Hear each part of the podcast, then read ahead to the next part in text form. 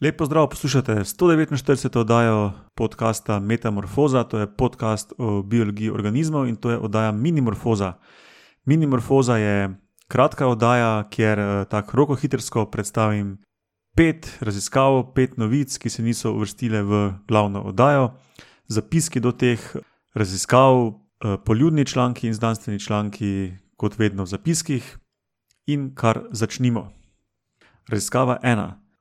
Močna spolna selekcija na izbiro partnerja v evoluciji pogosto privede do alternativnih paritvenih strategij. To pomeni, da različni osebki neke značilno različne taktike, da pridejo do partnerja, uporabljajo. Ne? Eh, no, in tako je tudi pri čričkih, ki s petjem privabljajo samice.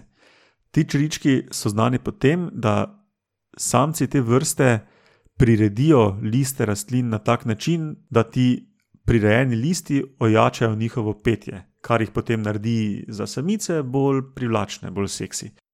In v novi raziskavi ugotavljajo, da manjši črički, ki so slabši pevci, bolj pogosto uporabljajo to neko umetno ojačanje petja, če temu tako rečemo. Um, in to dejansko tudi zviša njihov razmnoževalni uspeh. Na drugi strani pa veliki črički, ki so že tako ali tako dobri pevci, pa te ojačitve ne potrebujejo in jo tudi redko uporabljajo. Raziskava 2. Ptice za sporazumevanje uporabljajo zelo raznolike napeve. Ena od glavnih razlag za razliko v petju je tako imenovana hipoteza akustične adaptacije. Sliši se malo kompleksno, ampak je v bistvu kar simpel ideja, ki pravi, da se vrste ptic v bolj gosti vegetaciji, da te vrste pojejo v nižjih tonih, kot tiste vrste ptic, ki so v bolj odprtih okoljih. In argument za tem je, da se nižji toni lažje širijo po okolju z gosto vegetacijo. V novem članku so pa raziskali več kot 5000 napevov ptic pevk in ugotavljajo, da se frekvenca petja niža z večjo telesno maso. In pri tistih vrstah, pri katerih so samci večji od samic, eh, se pravi, verjetno poteka neka močna spolna selekcija za velikost samcev.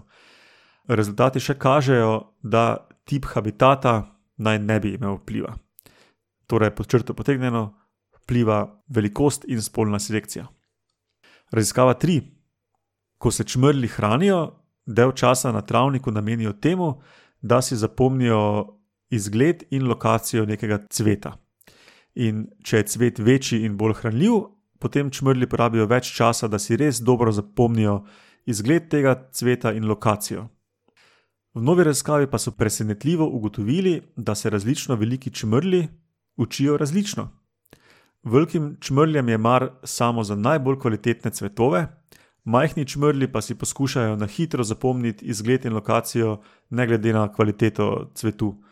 In to se sklada s prehranevalno taktiko različno velikih črljev. Namreč, veliki črli lahko letijo dlje in tudi nosijo več peloda, medtem ko majhni črli imajo pa kratek domet izpanja in nosijo manjše tovore. Raziskava 4. Zelo glasni krvovolk, to je ta, ki mu angliško rečejo direwolf, z znanstvenim imenom Canis dirus. Ta je bil eden od najbolj razširjenih velikih plenilcev v Pleistocenu Amerike. Um, to je sorazmerno nedavno, ne? izumrli so pred približno 9500 leti. In v novi raziskavi zdaj predstavljajo posekvencirane genome, se pravi vse gene eh, petih osebkov krvovolkov izpred 13.000 do 50.000 leti nazaj. In čeprav so bili ti krvovolki podobni po izgledu kot današnji volk, pa skupni prednik krvovolka in današnjega volka sega kar 5 milijonov let v preteklost. V članku tudi ugotavljajo, da krvovolk je izvorno ameriška vrsta, naš navadni volk in šakal pa sta evrazijska. Njihovi podatki pa tudi kažejo, da se krvovolk ni križal z volkom in šakalom. In še raziskava 5. Skupinsko koordinirano plenjenje, temu rečemo tudi socialno plenjenje, je pogosto med sesalci. Ne? To je to, kar um, doskrat v dokumentarcih vidite pri kakšnih velikih mačkah, recimo pri levih. Je pa to manj pogosto med ribami. In v novi raziskavi objavljajo podatke o socialnem plenjenju pri ribah električnih jeguljah. in ugotavljajo, da skupine električnih jegul, ki živijo v porečju Amazonke, skupinsko gonijo manjše ribe, jih obkrožijo in potem tudi um, skupinsko stresajo z elektriko. Ok, to je bilo to za današnjo minimorfozo, in se slišimo naslednjič z 150. jubilejno okroglo oddajo. Adijo!